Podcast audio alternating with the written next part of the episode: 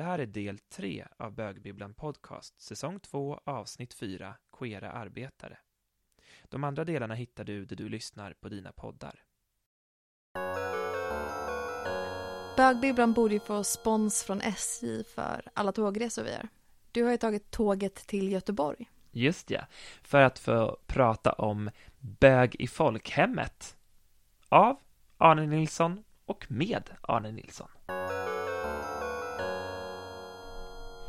Och nu sitter jag på åttonde våningen i ett lägenhetshus här i Göteborg där vi kan blicka ut över en solig stad på västkusten. För en gångs skull känner det, känns det som när jag är i Göteborg. Att det är soligt och varmt. För en gångs skull. Jag tycker det låter ruskigt annars. och här sitter jag hemma hos Arne i din fina lägenhet. Hos Arne Nilsson. Hej Arne! Hej! Härligt att få vara här och hälsa på dig. Roligt att uh, få vara med. Mm. Eh, du är ju sociolog och en av de som kanske tidigast i Sverige har skrivit om homosexuella mäns liv. I alla fall inom sociologin. Och eh, du har nyligen gett ut två memoarböcker. Bög i folkhemmet och Bög på klassresa. Ja. Mm. Och mitt tidigaste minne av dig Arne, det är när jag står på Stockholms stadsbibliotek. Kanske, jag vet inte om det är 2006, 2007 någonting. När jag stod vid HBTQ-hyllan, på sociologihyllan. Det var liksom den enda stället i Stockholm där man kunde hitta liksom HBTQ-böcker samlade på ett och samma ställe. Jaha. Så där stod jag och eh, lånade liksom på mig så många böcker jag kunde och då fick jag med mig bland annat sådana på Amerikabåtarna. Ja, vad roligt. Ja, Vad roligt. så, tog, så den lånade jag med mig hem då. Roligt att Mm. höra. Mm. Mm. Det känns ju som ett helt annat liv för mig just nu. Ja, ja. Mm. Vill du berätta någonting lite kort så här om vad du har forskat och skrivit om i ditt liv? Ja, alltså tid, tidigare så Tidigare så studerade jag ju arbetsliv och arbetsmarknad och min doktorsavhandling handlade ju om det. Och det var ju först, eh, först på 90-talet som eh, eh, ja, jag sysslade lite med, jag kom med jämställdhets, in i jämställdhetsforskning och arbetsliv.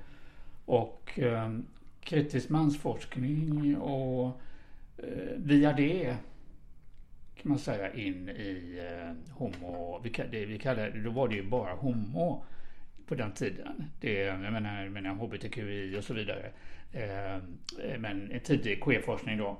Ja, nej, men det var en härlig, en härlig tid tycker jag. Och, eh, och för mig då som jag hade jobbat också lite med, med familjesociologiska, åt det hållet och så. Det var ju också, hade man ju också nytta av. Eh, och ja, nej men det var bara roligt. Mm. och sen den här första studien som jag gjorde. Var om eh, sådana riktiga karlar som det hette. Som, som det blev resultatet den boken. Eh, den var ju jätterolig att göra. Eh, och intervjua de här männen som, hade, som berättade om eh, sitt homoliv under 1930, 40 och 50-talen. Det var den tiden som jag försökte fånga. Det var ju män som var gamla då och försökte jag gå så långt tillbaka i deras liv, om man säger så, deras vuxna liv. Så att, eh, det, det var jätteroligt och, och, och ja, ett, en sociologisk studie av det. Mm. I kombination med den här mer så då det som var aktuellt på den tiden och det här mer konstruktivistiska perspektivet liksom kring sexualitet och kön och så. Det, det, mm, och jag såg ju till exempel en annan social ordning i eh, det här homosexuella livet och, och mötena och de här sådana och riktiga karlar och eh, ett helt annat sorts liv liksom med eh, sådana då som såg som homosexuella och ofta förknippades med femininitet men ja, inte alltid. Men, eh, och så riktiga karlar då som var män som inte såg som homosexuella men som ändå hade sex ute i pissoarer, parker och sånt. Och um, sådnas liv då var ju ofta ett eh, hastiga sexuella möten med främmande män. Just det, för den, din första bok där, Ja, såna, där du berättar om såna och riktiga karar. Ja. Det är som två olika kategorier av, Mm. av i alla fall män som praktiserar samkönat sex. ja, Eh, även om de inte själva skulle kalla sig homosexuella kanske. Det, du, du diskuterar ju lite i den boken att det finns en klassaspekt där. Verkligen. Eh, och, och jag, jag en stor mig, klassaspekt. Ja.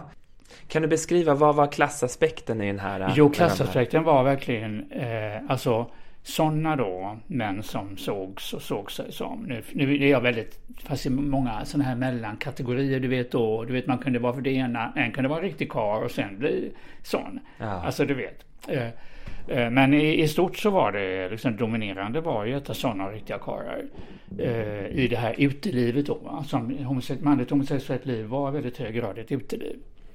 Och eh, eh, sådana då homosexuella män, de, eh, eh, det var olika sociala klasser. Och arbetarklass och medelklass och, och, och kanske till och med någon överklass. Ehm, eh, medan då riktiga karlar var i regel arbetarklass och unga arbetarklassmän som uppehöll sig ute eh, om kvällar till exempel. Eller de kunde på lunchen, som, om de var cykelbud till exempel, gå in i en pissoar och bli avrunkade eller ja. Um, och för dem var det liksom, för dem, de gick till pissoarer eller parker och sådana grejer då för att bli, som man kunde säga, sexuellt betjänad. Uh, ehm, och då kunde man då skylla på att fästmön inte, att man kunde inte ha sex med fästmön och, alltså unga kvinnor var svårtillgängliga, helt enkelt heterosexuellt. Man kunde skylla på det.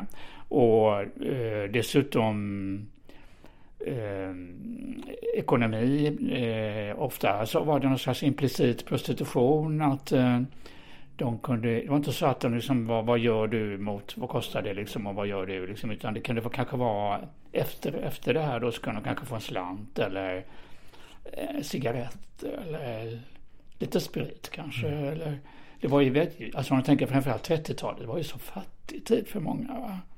Det, och um, hur långt in, när pågick det här? 30-tal och fram till? Ja, 50-talet gjorde det allt. Gjorde det. Um, och även jag kunde ju, jag växte ju upp i en sån här folkhemsstadsdel som man kan skymta här uppe. Norra Gulden ligger här uppe och Södra Gulden bodde jag och växte upp på. Och där kunde ju killar, jag bodde i ett, ganska mycket arbetarklass där jag bodde. Och i folkhemstadsdel, folkhemsstadsdel, va? jättefint var det, till det yttre. Eh, Men där var ju då, fanns ju killar där då, vet du, som, minns jag då, två killar som kom hem och sa, ah, jag har varit nere på Centralen och på grönsakstorget och där kunde man då tjäna pengar på bögar. Ja, så de, jag menar de, Det, det var det så kvar, närvarande. fanns Ja. kvar, alltså detta var ju då kanske 1965 eller något sånt där va? Jag var 17 år. Eh, så att, eh, men det, det försvann ju mer och mer, alltså genom också genom att man fick det mycket bättre. Eh, och, och, och det här med skötsamhet växte fram, hela det här eh, nya ordningen liksom och välfärdssamhället. Och, och, ja. Att inte, man kunde inte heller skylla på ekonomin liksom. Som den här uppe, Landala ligger ju här en till en kvinna som bodde där. Hon berättade att då på, när det var filmpremiärer då så kunde killarna gå ner till parken och så få lite pengar så kunde de gå på bio. Mm. Det, men det var ju långt ifrån alltid som det var alltså prostitution utan och det, dessutom så var det ju fråga om en njutning. Det märker man om man njuter eller inte liksom. Mm. Så att, eh, men, men eh, då, då det här sådana då, män som såg sig som homosexuella då, som eh, ofta var attraherade av riktiga karlar och man tyckte inte att man själv var lika, man var intresserad av riktiga män va. Och det tyckte man inte att man, varandra var, att de, man själv och sina gelika var. De var inte riktiga män. eh, i, I sitt eget perspektiv. Eh, utan de var, de var intresserade av riktiga män och det var det riktiga karlar. Och det var inte de själva. Jag tänker en intressant sak är att i, i din första delen av din, din, dina memoarer så beskriver du ju lite det här i inledningen. Hur, hur eh, folkhemsbygget som ett samhällsbygge liksom skiljer sådana och riktiga karlar från varandra. Att det liksom, Mm. för att, för att eh, själva samhällsbygget eller idén med folkhemmet var att föra kvinnor och män närmare varandra. Ja, så detta var ju, alltså det, det här var ju på 30-talet då så eh, rådde ju kris i befolkningsfrågan då. Det föddes ju för få barn. Och eh, för arbetarklassen hade inte råd att bilda familj. Det kunde de ju också skylla på de här eh, riktiga karlarna. Att man inte råd att bilda familj. Um, och um, det var ju också då en, eh, en, en nationell politisk eh, synvinkel då en, en, ett problem att det inte föddes tillräckligt många barn i arbetarklassen. Så att det tillsattes utredningar och sånt. Och, och, och samtidigt kom ju socialdemokratin till makten och hade makt över flera decennier. Och, och um, vad, vad, tog, vad tog de riktiga karlarna vägen? Jo, vad tog ja, sådana alltså, vägen? Ja, och alltså de riktiga karlarna knöts då upp mera till bostäder. Alltså de byggde bostäder som, som eh, arbetarfamiljerna hade råd att bo i. Eh, och som var bekväma och så vidare. Eh, och de låg ju också lite längre ifrån centrala stan med dess mötesplatser och sånt. Va? Och samtidigt växte ju det här skötsamhetsidealet kvar, äh, växte det fram. Äh, och då, enligt det idealet då så gick det inte att driva på gatorna som de hade gjort tidigare. Mm. Det, då skulle det liksom gå, du skulle liksom inte uppehålla dig på gatan överhuvudtaget. Det skulle, gatan skulle vara liksom en transportsträcka. Liksom det. Men samtidigt växte det också fram en heterosexuell nöjesindustri. Alltså dansställe, vet du, danshak. Och eh, man fick, man fick det bättre ekonomiskt också och så.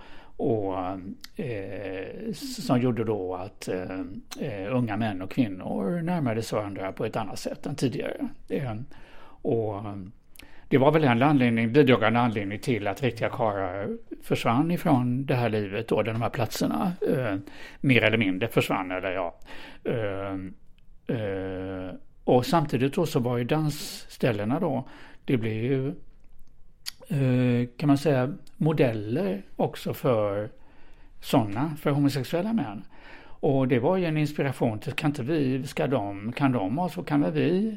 Så att, eh, det var ju en bidragande anledning till att det bildades gayklubbar då i, i mitten på 60-talet. Och, och eh, att det var en slags modell och att, man, att de här riktiga karlarna försvann ifrån det här livet blev det mindre attraktivt också. Och samtidigt med klubbarna då, så där möttes det ju som lika, det var det lika som möttes. En riktig karl gick ju inte på ett dansställe för då definierades de dansställena, eller klubbarna, de var ju, då definierades du som homosexuell i parken och i pissoarerna. Det var det ju bara, det var ju män som var där, du behövde inte vara homo för det. Utan det var ju manliga platser, staden var en manlig plats. Uh, uh, medan klubbarna och bara eh, föreningarna och, och, och alltså RFSL och det som kom och, och eh, gayklubbar och sånt. Det, det var ju homosexuella eller hbtq-ställen där du hade en, en sån identitet. Och, så att det gjorde ju då att män som var osäkra, som, som inte ville bli betraktade som eller såg som, de gick ju inte dit. Och mm, där umgicks ju då som likar. Eh, tidigare hade ju inte det här sexuella, eh, tidigare hade ju livet då varit å ena sidan erotiskt liv mellan olika då, riktig karl och så ett, ett vänumgänge sådana emellan. Man gick rundan, det fanns ett promenadstråk som man kunde gå. Eh, och det var ju då, då mötte du vänner, bekanta på vägen och intill vissa pissoarer kunde, vän, kunde vängäng, kompisar umgås. Eh, på vissa platser i parken kunde eh, också något gäng umgås och på olika sådana platser. Så att det var ett väldigt det var ett socialt liv där eh, vid sidan om de här erotiska mötena. Där sådana mötte varandra och umgicks med varandra. Och skapade och upprätthöll en, en, en identitet som sån. Um, och det var ju också där som tankarna om egna ställen grodde. Jag menar, det var ju inte bara det här med att organisera sig och komma samman och så. Det var liksom inte bara, jag menar det, det föddes ju redan ett sånt liv alltså i parken och i den miljön, va? längs rundan och, och de, att, ehm, att man, eh, det skapades en gemenskap, en homosexuell gemenskap och ehm, identitet och så. Bostadssituationen förändrades också när de här folkhemsstadsdelarna byggdes så var, lämnade ju många sådana här enkla billiga arbetarklasslägenheter. Ett, ett rum kök kanske, du vet med, med kanske utedass och ja. Och då, det kunde man berätta om, de här i den här boken, sådana riktiga karlar, de kunde ju berätta om att man kunde överta någon billig lägenhet. Och, så det här med att umgås hemma blev vanligare också. Tidigare så det kanske du hade, särskilt om du var ung, du kanske bodde på hyresrum vet du, och så. så att, eh, bostadssituationen spelade ju roll. Eh, och fick, eh, som bidrog till den här intimiseringen av, eh, och, och, av eh, det manliga homosexuella livet. Så det blev ett helt annat Alltså det här från sådana riktiga karlar till hetero-homo kan man säga att det blev. Det, ja. Mm. Nej men jag hade ju inte heller någon aning om det här livet faktiskt. Det, alltså du vet jag gick ju då eh, på slutet på 60-talet eller då, eh, ja, eh, så gick jag på klubb innan jag, jag visste att jag var bög men jag erkände inte det för någon. Eh, och eh, då gick jag på en klubb som heter Vita Duvan som låg i samma lokal som eh, det här Rivieran hade legat. Precis samma lokal. Hade ingen aning om, först på senare år, som jag har eh, förstått, eller när jag började intervjua de här männen, att det var där.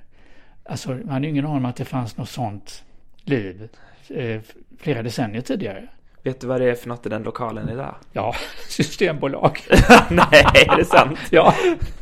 Det, och anledningen till att det var klubb där, det var ju, inte kaféet, men klubben sen, det var ju mycket, då, det var ju så mycket som revs här i Göteborg. Och många hus var rivningshus och det var också ett rivningshus, men det blev sådana protester så det revs tack och lov inte. Mm. Men um, så bakom vinhyllorna och ölbackarna så finns det någon en dold queer-historia. Som, ja, absolut. Ja, det gör det verkligen. Som man kan ta del av då i den, din första bok. Absolut, mm. ja. Men jag tänkte på din andra bok, Sådana på Amerikabåtarna. Och där så landar ju du liksom i någon slags slutsats att det kunde fungera som en slags frizon från heteronormativitet och från mm. homofobi och mm. där ett homosexuellt liv kunde leva mm. ut. Mm. Skulle du kunna berätta lite mer om det? Hur det livet såg ut? Ja men det var, alltså det, de här, på de här båtarna då så jobbade det ju 400 personer ungefär va. Och eh, 100 av dem kanske var eh, sådana som jobbar med båtens framfart och navigering och så, alltså så kallade riktiga sjömän. Medan resten då var sådana som Eh, jobbar med eh, på vad heter det, internaturen och den största delen av dem var de som betjänade passagerare helt enkelt. Restauranger och, och, och, och allt sånt. Och eh, eh många av dem, det var ju en anledning till att jag ville göra den studien. Alltså, för det förstod jag ju av den första studien, sådana riktiga karlar, för det var ju flera som hade jobbat på Amerikabåtarna. Och de berättade om när en Amerikabåt låg inne i Göteborg så märktes det i utelivet när en sån båt låg inne. Så många var de alltså. Och det fanns en bar som hette Top Floor Club, dit gick de kanske då eh, också. Och, och, men i alla fall så var det en anledning till att jag blev nyfiken på, och tillsammans med min arbetslivsforskningsbakgrund, så tyckte jag att det var jättekul att, att kombinera då arbetsliv eller arbetsmarknad och eh, homostudier. Eh, och, och, och då, då visade det sig då mycket riktigt då, som jag trodde då, att eh, många av uppassarna eh, var homosexuella män man kunde säga att båtarna kunde inte gå utan dem och utan alltså och, och, eh, och då så de var så pass många och särskilt homosexuella män då hade det fanns den föreställningen att homosexuella män var särskilt duktiga. Eh, det, det var ofta så helt enkelt. Eh, att man var särskilt duktig arbetskraft eh, i de här det var ju avancerade kan man säga uppassarjobb därför att båtarna gick ju mer och mer på kryssningar va, ifrån New York efterhand som flyget kom. Va. Så, eh, Eh, och det var sådana här lyxkryssningar som vi var jorden runt och Sydamerika runt, Afrika runt och sådär. Väldigt långa kryssningar med väldigt välbeställda människor. Lika många passagerare som besättning. Och eh, då var det väldigt höga krav på, besätt- på de uppassarna också. Och eh, då, bland de som uppfyllde de här höga kraven då var det många homosexuella män. Och ehm, de, var, och då så, de bodde ju också för sig, de här, alltså olika yrkeskategorier bodde för sig ombord. Och där, där var de skapade ju en gemenskap. Och, och de var bara i kraft av sitt stora antal så Dels på grund av sin gemenskap tror jag och, eh, och sin, sin vetskap om att de var attraktiv arbetskraft gjorde att de hade makt ombord. Eh, och, eh, så att så att eh, det gick liksom inte att vara hur homofob. Det, det, var svårt. Hur kom vi in på detta nu med Amerikabåtarna? Det... Nej, jag frågade om det. Ja. om vad, hur livet ja, var på båtarna ja, och vad som hände där. Så. Ja, just det. Uh, nej, men detta, jo, frizon, ja, just det. Det mm. var det ju en frizon. Men det var ingenting, det var ingenting, uh, få, få av de som jag intervjuade visste om Amerikabåtarna som en plats för homosexuella män. Eh, som en frizon. Eh, det var först när de kom ombord, de flesta, som de, de var unga ofta också. Och, och eh, så att det var inte så att man, åh, Amerikabåtarna, liksom att det var känt liksom i, i hela landet om man säger så eh, visst, de som levde homoliv i Göteborg då, som pratade med varandra, kanske i grundan och sådär. Eh, eh, de som hade en gemenskap, då, då, där kunde man ju höra då andra som jobbar på dem och så.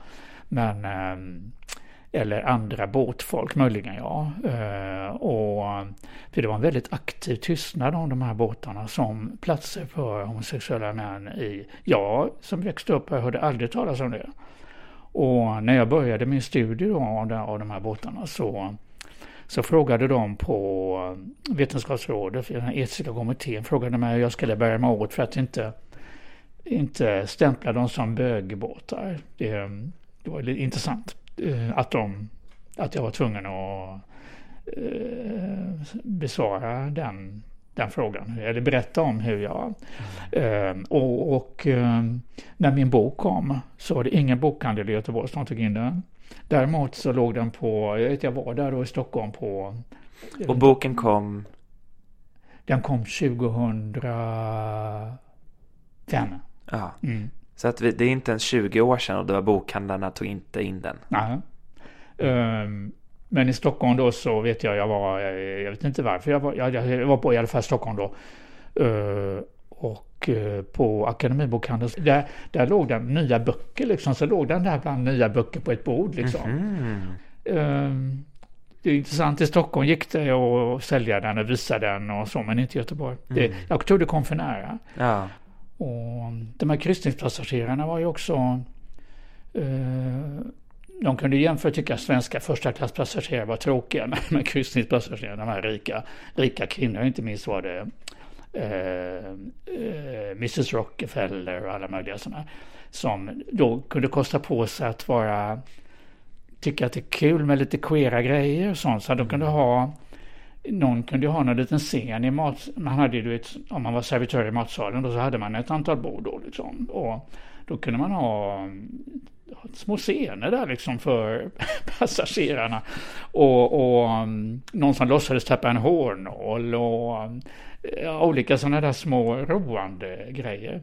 Intressant tycker jag det här med, med mm, man kunde ta, tala om sina bord och som där hade man sin lilla scen, sin egen scen liksom. Och jag tror att det var en, jag tror att det var en, eh, något som gjorde att man var bra på det med att vara på en scen. Va? Därför att man var van vid att övervaka sig själv och sin, sina rörelser, sitt sätt att alltså, monitorisera sig helt enkelt eh, som homosexuell. Och man kan också, man kan också alltså självövervakning. Eh, och att det var en resurs i det här yrket också eh, som man kunde dra nytta av. Eh, plus då, om man, jag frågar mig som arbetsmarknadsforskare då, så frågar man hur kom det sig att det var så många homosexuella män ombord? Um, och då ser jag det ju som att en anledning var ju att, att uh, man som manlig homosexuell så, och, och växa upp och leva i ett heteronormativt homofobt samhälle så, så tillägnade man sig uh, förmågor, sensibilitet, kunnanden och sånt. Mm. Ja. Men jag tänkte också på, på när du berättade om det här med vilka särskilda förmågor som, mm. som man mm. utvecklar. Så mm. i, i din andra memoarbok, mm. Bög på klassresa, mm. så, så hittade jag ett citat som jag tyckte var spännande. Där du skriver så här att rörlighet och lätthet är hållningar, livsmönster som mejslats fram av män som vuxit upp och levt som homosexuella i ett heteronormativt och homofobt samhälle. Mm. Och att, att liksom jag blir nyfiken på, kan du berätta mer om den här rörligheten och Mm. lättheten? Vad, vad, vad använder homosexuella män det till? Eller hur påverkar det homosexuella Alltså, liv? Alltså rörligheten var ju ett sätt då, då, blev du inte, då kom du undan social kontroll och så, det kan man ju säga. Och lätthet, för det, lätthet var ett vanligt ord när man pratade om uppassarna på Amerikabåtarna. Att det fanns en lätthet hos dem. Att de skapade, fick andra att känna sig bekväma och eh, hade en lätthet i hela sitt framträdande. Va?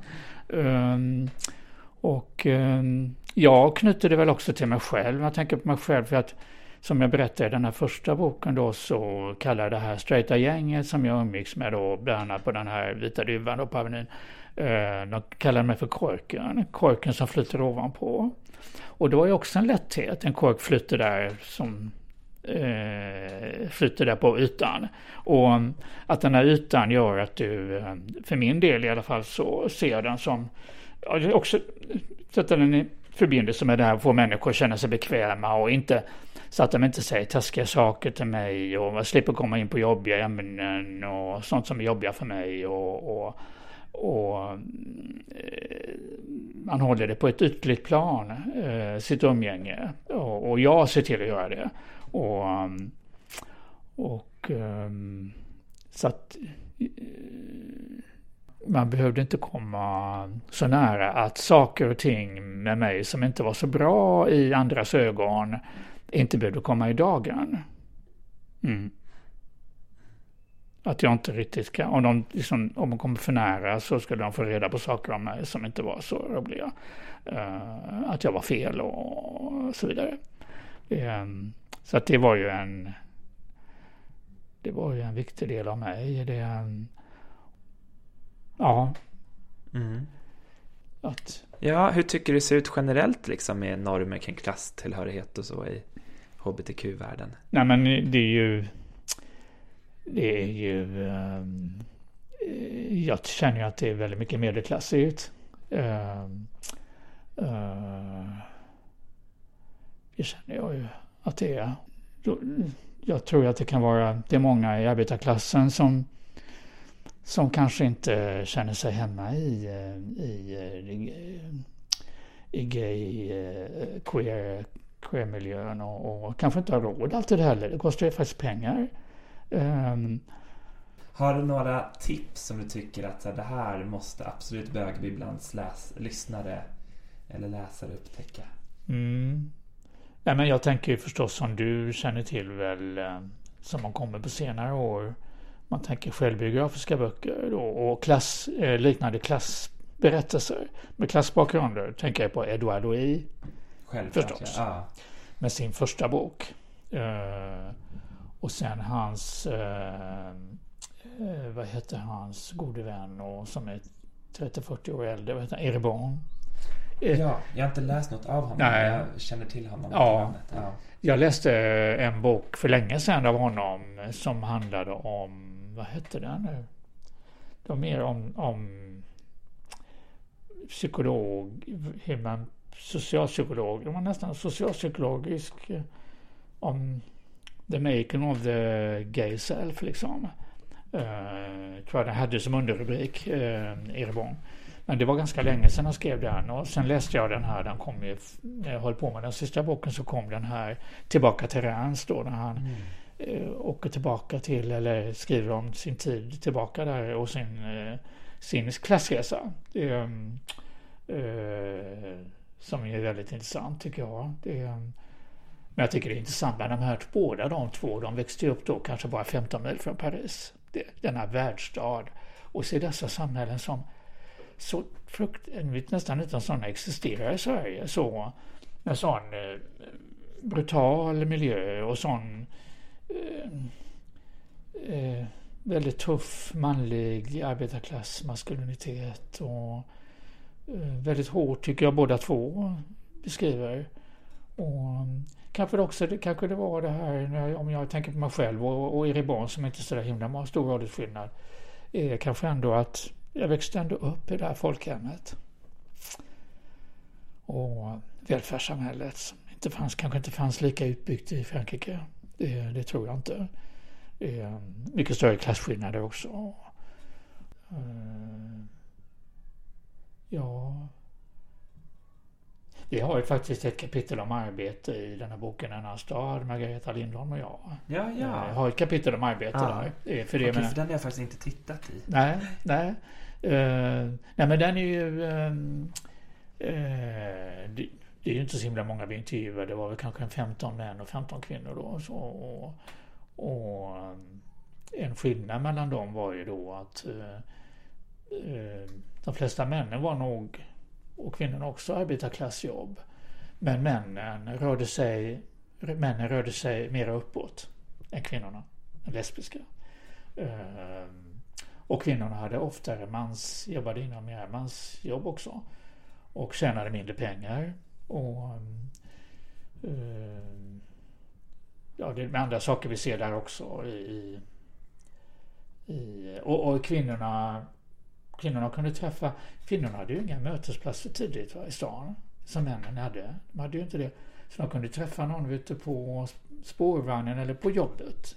Eh, och, och medan männen då kanske, kanske kunde få tips om ställen och träffas ute och så eh, på jobbet. Eh, Men, eh, men det finns i alla fall om, om vi nu pratar om arbete och så, så finns det med i den boken. Och det, något annat som var intressant med den boken, eh, viktigt, det var ju, det var ju detta att kvinnorna kunde säga att vi var ju hemma, för vi hade ingen annanstans att vara.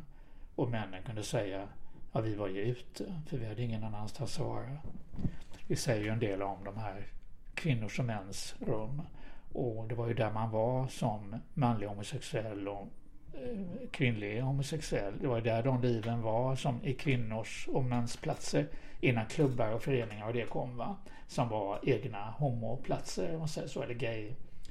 Att man levde i platser som definierades som och även de här de vanligaste yrkena bland de yngsta i arbetarklassen då på 30-talet i alla fall var ju springpojke eller cykelbud då för eh, män och hembiträde bland kvinnorna. Mm. Hemmet och staden. Så att, det, det, um, så att vi var ju ute mycket efter, eh, lik, ja, efter att studera kvinnligt och manligt homoliv och, och i- ja, jämföra dem och deras platser i, i rummet. Det var ju rum som var och, och rum, rum och kön och sexualitet som var eh, viktiga för oss.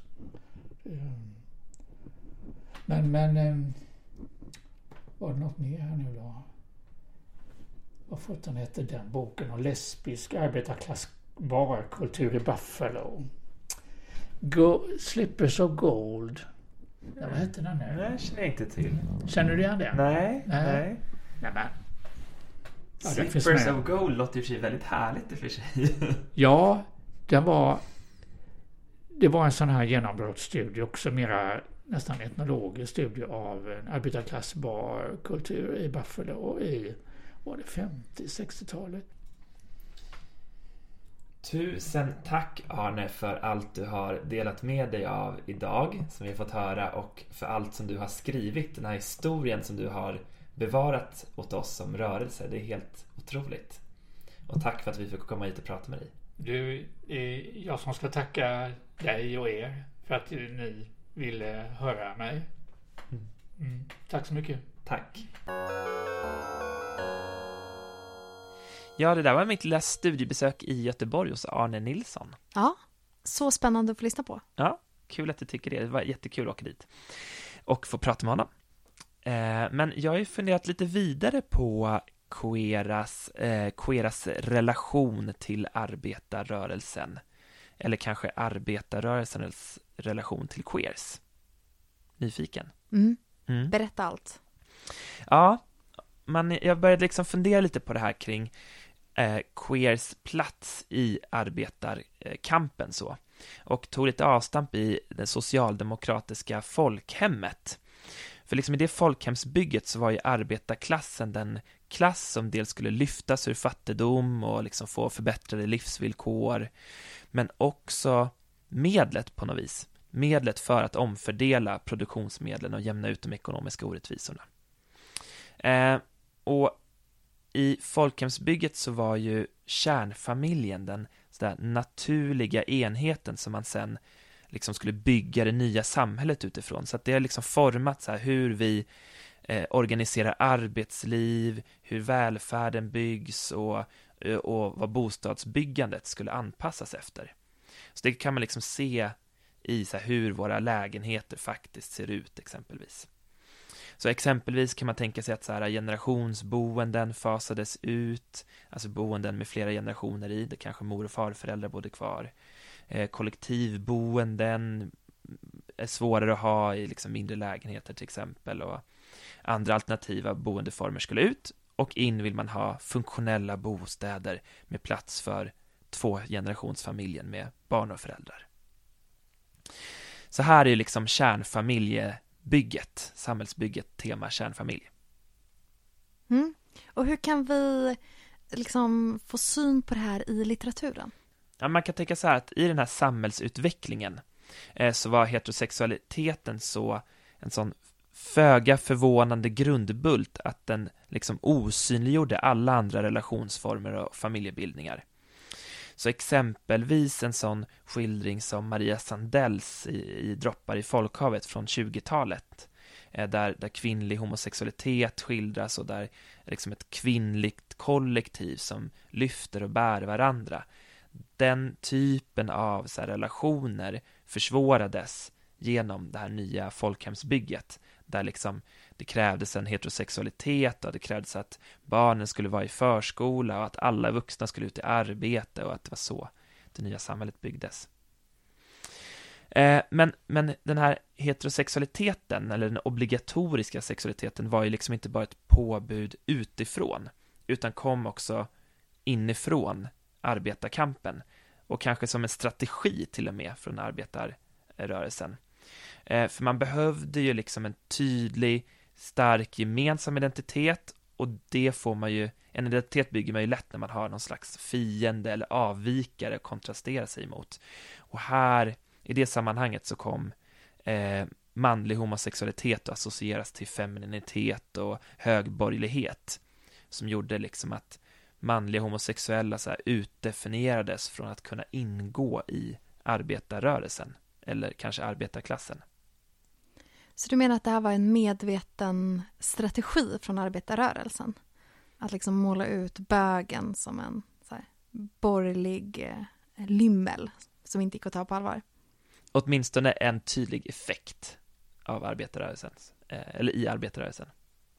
Ja, men, och det här var ju inget som var unikt för arbetarrörelsen, utan den här synen på den manliga homosexuella som lite sådär sjuk och svag och ämlig och vek fanns ju liksom spridd överallt i samhället så under 1900-talets början. Och jag tänker lite på uh, två skildringar av Sara Lidman. Den ena vi pratar redan om idag, eh, från Bära Mistel. Den är skriven 1960 men utspelar sig på eh, Ja, men 30-talet, mellankrigstiden. Mellankrigstiden, precis. Och där har vi ju Björn Seder som är en sån liten sån, vad ska man säga, opolitlig typ som är lite där inte så personifierar maskulinitet på ett så här rätt sätt kan man säga.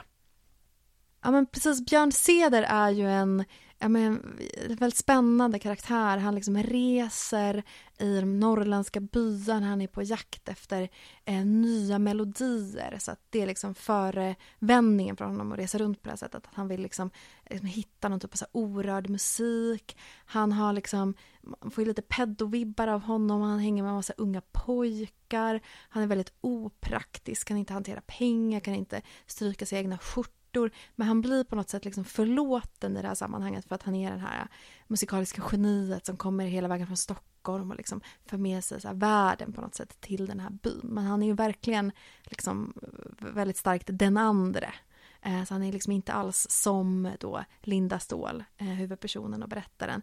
Eh, och liksom hon råkar ju också mycket mer illa ut för att hon då tror sig vara för mer genom att också resa med Björn och, och också spela musik. En annan sån intressant karaktär som hon också skrivit in i en av sina texter i en novell som heter Fröken som hon, jag tror som hon skrev redan på 50-talet. Eh, där har liksom huvudpersonen som då kallas Fröken liksom på något vis anammat den här femininiteten, liksom tagit vad ska man säga, kommando över den eller så utnyttjar den för att då kunna försörja sig som en slags här resande berättare i de västerbottniska byarna. Och så här har liksom huvudpersonen liksom, vad ska man säga, felkonstruerat maskulinitet men gör det då, men kan ändå liksom försörja sig utanför överklassen genom att vara en liksom avvikare som är liksom lite lustig och kommer in utifrån som en spexig narr nästan så. Eh, och här liksom i Lidmans skildring så blir då den här personen eller det queera som någonting som är fängslande och förtrollande. Men det för ju med sig också ett utanförskap, så, här, så man kan aldrig bli inkluderad i kärnfamiljens gemenskap eller kanske ens byns, samhällets gemenskap på riktigt när man på något vis felar sitt kön så mycket. Ja, men det är ett jättebra exempel på hur arbetarförfattare också då har medvetet eller omedvetet eh, liksom bidragit till att måla ut liksom queers som avvikare och några som inte heller kan inkluderas då i den här queera, eh, eller i, förlåt, i arbetargemenskapen. Precis. Samtidigt som det kanske också är en gärning att ens skriva fram de här karaktärerna som kanske inte får beskrivas i ord annars överhuvudtaget. Och det här är exempel när man på något vis felkonstruerar sin maskulinitet. Ett annat sätt att praktisera sin queerhet inom arbetarklassen var att kunna förstärka sin maskulinitet, kanske att göra en hypermaskulin exempelvis, för att liksom kompensera för eh, avsaknaden av en liksom fullödig, komplett heterosexualitet. Eh, och här har vi ett exempel i en bok som heter Clinch av Martin Holmén, Eh, som handlar om en bisexuell gangster på 30-talet i Stockholm som här, han heter Harry Kvist och han liksom drar runt i Stockholm och är så här jävligt våldsam och bara snor cyklar och ska lösa brott och är så här ja men ganska brutal obehaglig typ egentligen men som då liksom är bisexuell men genom sin hypermaskulina framtoning på något vis är skyddad, trots att han inte praktiserar en liksom, komplett heterosexualitet. Så. Um, nu är ju de skrivna på lite olika tider här, men det, jag tänker att det ändå kan vara intressant. Liksom, så. Harry Kvist, vilket bra gangsternamn. Mm, visst blir man sugen? Tänker vi att han har så här stora underarmar. Jag tänker att det är någon sån vek hipsterpojk som skriver böcker. som man ser på typ Debaser. ja, exakt. Mm, och en annan skildring av queerhet inom eh, arbetarklassen som jag tycker är intressant är Bengt Olssons De dubbelt så bra. Det är en bok som utspelar sig under tidigt 1900-tal men som gavs ut bara för fyra år sedan, 2018. Eh, och den boken handlar om den spirande kärleken mellan två tonårspojkar som arbetar inom skogsbruket. Eh, och de här pojkarna utforskar liksom sin kärlek och attraktion och det avslöjas och för det så måste de straffas för att det liksom hotar dels den homosociala gemenskapen i skogs, eller arbetslaget här i skogen men också för att det liksom inte passar in i arbetarrörelsens kollektivism, skildras det som i den här boken. Eh, och jag tycker det är intressant, för jag har tänkt på lite så här eh, Maria Sandells bok, den som jag nämnde i början där, som också utspelar sig i tidigt 1900-tal, eh, som handlar om arbetare i, eller arbeterskor i Stockholm, där kvinnlig homosexualitet förekommer och de liksom straffas inte för sin sexualitet eller attraktion. Och så har jag funderat lite på vad det här kan handla om och, och, och, det kan ju vara såklart att böckerna är skrivna i olika tid men jag tänker också att eh, det skulle kunna ha att göra med författarnas liksom, politiska utgångspunkter där, där Sandell på 20-talet själv hade erfarenheter av att arbeta och av arbetarklassens kamp så. Medan Bengt Olsson är en liberal debattör. Och det tänker jag skulle kunna vara ett exempel på där liksom författarens politiska bakgrund färgar huruvida man skildrar eh, hur en rörelse liksom gör något schysst eller inte, eller tar hand om sina medlemmar inom rörelsen till exempel. Just det, så att Bengt Olsson har liksom politiska incitament att framställa arbetarklassen i dåliga dagar. Precis. De var homofober också. Ja men exakt. Mm. Och, och, och det här finns det ju, det finns såklart finns ju grund för det, men eh, man kan ju lätt peka ut att inom eh, vänsterrörelser och inom arbetarklassen så, så har man ju avfärdat hbtqi plus-personers kamp som identitetspolitik som riskerar att ta fokus från arbetarklassens kamp för materiell omfördelning. Eh, men man kan ju också, tänker jag, kritisera eh, liberalismen för att, för att liksom bara lyfta fram individuell kamp och medborgerliga rättigheter och, som, och därmed liksom osynliggör att, att queera personer har olika materiella förutsättningar för att kunna leva sina liv så.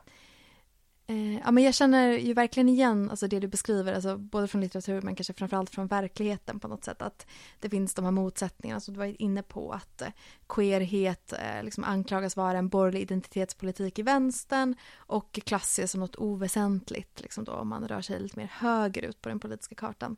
Men ett jättebra exempel från litteraturen eh, som illustrerar det här är Leslie Feinbergs Stone Butch Blues. Att där inkluderas inte fems, alltså lesbiska med så här, tydliga feminina attribut, de inkluderas inte i det så här queera communityt för att de liksom eh, anses då vara ja, men för mycket arbetarklass eller associerade med arbetarklassen. Eh, och det tycker jag är en liksom, väldigt, väldigt intressant liksom, skildring av just den här liksom, klaschen mellan liksom, klasskamp och eh, liksom, queerkamp och eh, vad som då anses vara liksom, fin eller rätt eller liksom, korrekt eh, queerkamp. Ja, men så intressant Milla, att, att kunna liksom se hur det här mönstret kan liksom komma igen i olika former på olika platser inom arbetarrörelsen. Men du, det låter ju lite hårt och deppigt det här. Hatar arbetarrörelsen bögar och flator? Är det så? Hoppas inte. Nej, jag tror att vi kan hitta bevis på att det verkligen inte är så, både i arbetarrörelsen idag och tidigare i historien. Och det finns ju faktiskt många eh, exempel på queera personer inom arbetarrörelsen som har eh, bidragit till arbetarkampen. Ja, har du några favoriter från historien? Ja, men det har jag ju absolut. Eh, jag tänker till exempel på Emma Goldman. Hur cool var inte hon? Queer anarkist, som liksom eh, verkligen gått till historien som en revoltör. Eh, sen tänker jag också på The Mattachine Society, eh, som var en av de första eh, homogrupperna i eh, USA, som liksom kom från, fick sina, kom, som liksom hade sin, sina rötter i den kommunistiska rörelsen i USA. Eh, jag tänker också på exempelvis Erik Torssell som har eh, varit med och grundat RFSU, eh, skrivit en homosexuell arbetares memoarer, rest runt liksom i Sverige och berättat om sexualitet och homosexualitet och, och verkligen kommer från arbetarklassen också. Eh, så det finns absolut många exempel här. Audre Lorde eller Adrian Rich till exempel. Eh, så vi ska inte tänka att arbetarrörelsen eller arbetarkampen eh, hade varit densamma utan queers. Och jag tänker att vi detsamma inte ska tänka att den queera rörelsen hade varit densamma utan arbetarna. Och nu ska vi få höra om ett exempel på en grupp som lyckades överbrygga motsättningarna mellan den queera rörelsen och arbetarrörelsen. Lesbians and Gays Supporter Miners var en allians av lesbiska och bögar som stöttade National Union of Mine Workers under gruvstrejken i Storbritannien 1984 till 1985. Under 1980-talet ansåg regeringen att de brittiska gruvorna som var ägda av staten gav för lite vinst och inledde en omställning genom att dels lägga ner gruvor och dels privatisera de återstående gruvorna. National Union of Mine Workers gjorde kraftigt motstånd och regeringen vågade inte genomföra omställningen förrän 1984 då man i hemlighet hade byggt upp ett lager av kol. När nedläggningarna påbörjades utlystes en nationell strejk som förklarades olaglig vilket innebär att gruvarbetarna inte kunde få ekonomiskt stöd. Strejken ledde till svåra ekonomiska konsekvenser för många familjer och våldsamma sammandrabbningar mellan strejkare, strejkbrytare och polis. Lesbians and Gays Supporter Miners grundades i samband med London Pride 1984 då Mark Ashton och Mike Jackson organiserade en insamling till gruvarbetarnas strejkkassor. Gruppen tog initiativ till fler insamlingar Dess verksamhet hade sin bas på den legendariska hbtqi plus-bokhandeln Gays the Word i London, men spreds snart till fler städer runt om Storbritannien. Lesbians and Gay Supporter Minors samlade in 25 500 pund, motsvarande 70 000 pund i dagens penningvärde, till gruvarbetarnas strejkkassor. Förutom att samla in pengar till strejkkassorna besökte medlemmar från Lesbians and Gay Supporter Minors gruvarbetarna och gruvarbetarna gjorde i sin tur besök i London för att stötta de homosexuellas kamp. Precis som i andra grupper där homosexuellas kamp bedrevs upplevde sig lesbiska osynliggjorda vilket ledde till att en grupp lesbiska efter bara ett halvår bröt sig ur Lesbians and Gay Supporter Minors för att bilda Lesbians Against Pit Closures. Vid en insamlingsgala till stöd för gruvarbetarna spelade Bronski Beat, bögbandet som gått till historien med låten Small Town Boy med raderna You leave in the morning with everything you own in a little black case Alone on a platform The wind and the rain on a sad and lonely face Mother will never understand why you had to leave But the answers you seek will never be found at home The love that you need will never be found at home. Strejken blev inte så framgångsrik som man hoppats på och efteråt har fackföreningsrörelsen beskrivits som den stora förloraren. Efter strejken var National Union of Mine Workers drivande i att föra upp hbt-frågorna inom den brittiska arbetarrörelsen och den walesiska avdelningen blev den första heterosexuella föreningen att delta i Londons Pride-parad. You have worn our badge, coal, not dole, and you know what harassment means, as we do. Now we will support you. It won't change overnight, but now a hundred and forty thousand miners know about blacks and gays and nuclear disarmament, and we will never be the same. Det här är ett citat från David Donovans tal inför 1500 gruvarbetare vid Pits and Perverts bal i Camden Town 1984.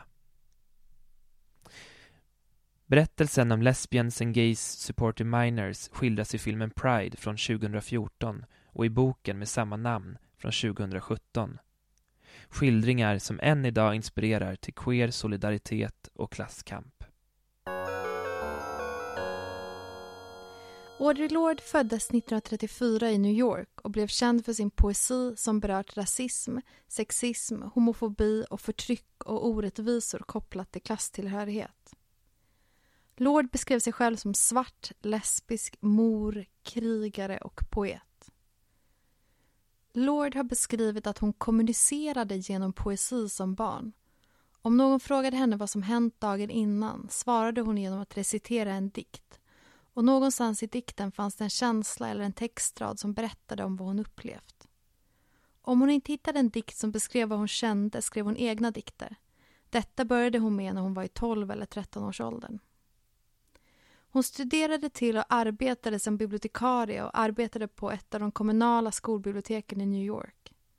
Hon gifte sig med en vit homosexuell man och fick två barn. 1972 träffade hon sin partner Francis Clayton som hon levde tillsammans med i många år. Hennes poesi uppmanar till kamp för rättvisa och kännetecknande för den är hennes beskrivningar av queers erfarenheter och sexualitet. Hon utgick ofta från sina egna dagböcker och blandade personliga erfarenheter med politiska frågor. Lord själv beskrev sin poesi som att den handlade om förändring och revolution.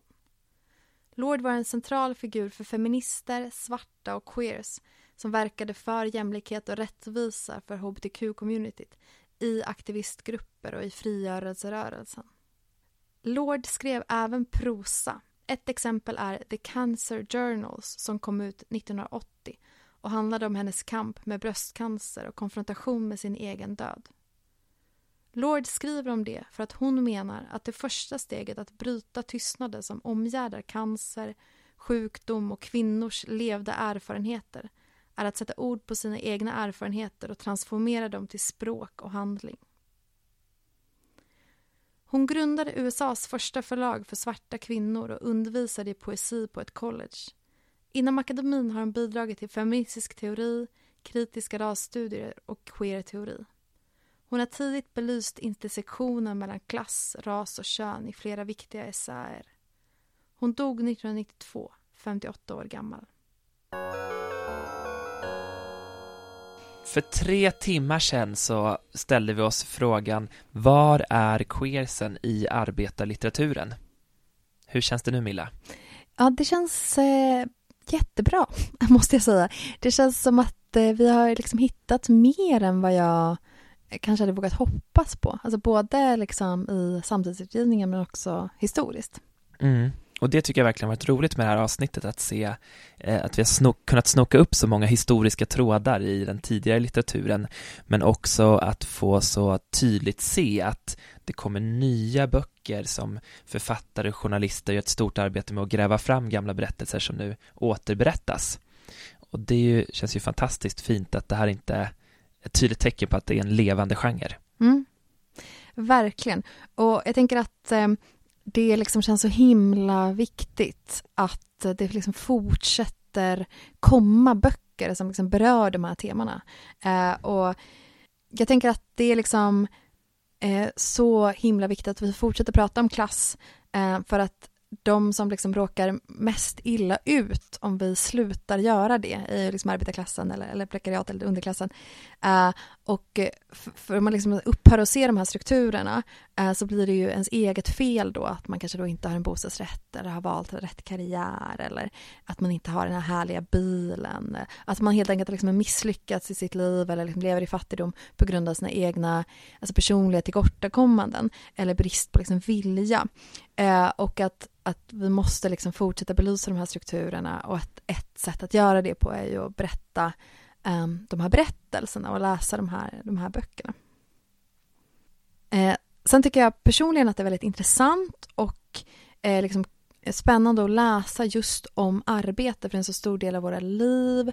Som vi har varit inne på, så här, hur beskrivs det liksom rent litterärt och så språkligt? Eh, så hur, hur man utför ett arbete. Jag tänker att det um, liksom inte alls har varit så närvarande i så här, borgerlighetens litteratur, eh, liksom så här, historiskt sett.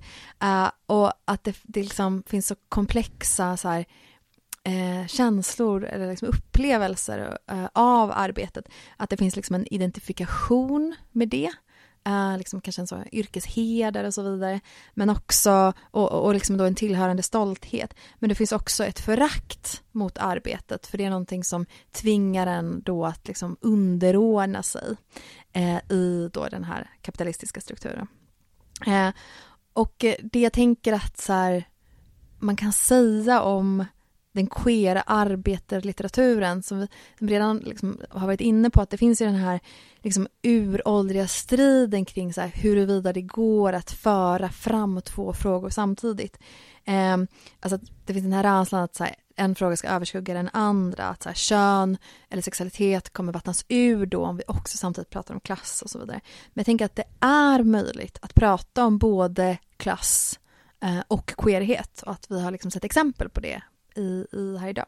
Jag tycker du fångade väl vår ambition med det här avsnittet Milla och eh, det ska bli intressant att se vad, vilka fler berättelser som, om queert arbete som vi kan se fram emot framöver. Mm. Mm.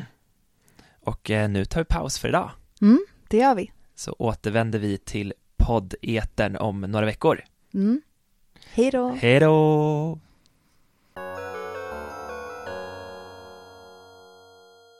Europa, jag vägrar ge upp min besatthet. Jag vägrar komma till poängen. Jag vägrar köpa Berlinmuren. Jag har inte sagt något om de miljoner fattiga som bor i dina blomkrukor. Jag har inte sagt något om dina fängelser. Jag har inte sagt något om hur Ylva sjöng mig till sömns den natten. Jag har inte sagt något om hur familjebanden ska upplösas. Jag sparar Tjernobyl och Tjetjenien till ett annat tillfälle. Jag hoppas att min känsla för Danmark lyser igenom. Europa, lämna mig i fred. Jag vet vad jag gör. Jag är trött på dina sjuka krav. Låt en kvinna leva. Hur ska jag skriva en klagosång i din hopplösa anda? Plommonblomstren faller också här. Du skulle ha sett mig komma till Pasolini. Du skulle ha sett mig vinna mot väderkvarnar. Europa, min queera axel har gått ur led. Den sista nedräkningen har börjat. Ur Brev till Europa av Athena Farrokhzad i rörelse.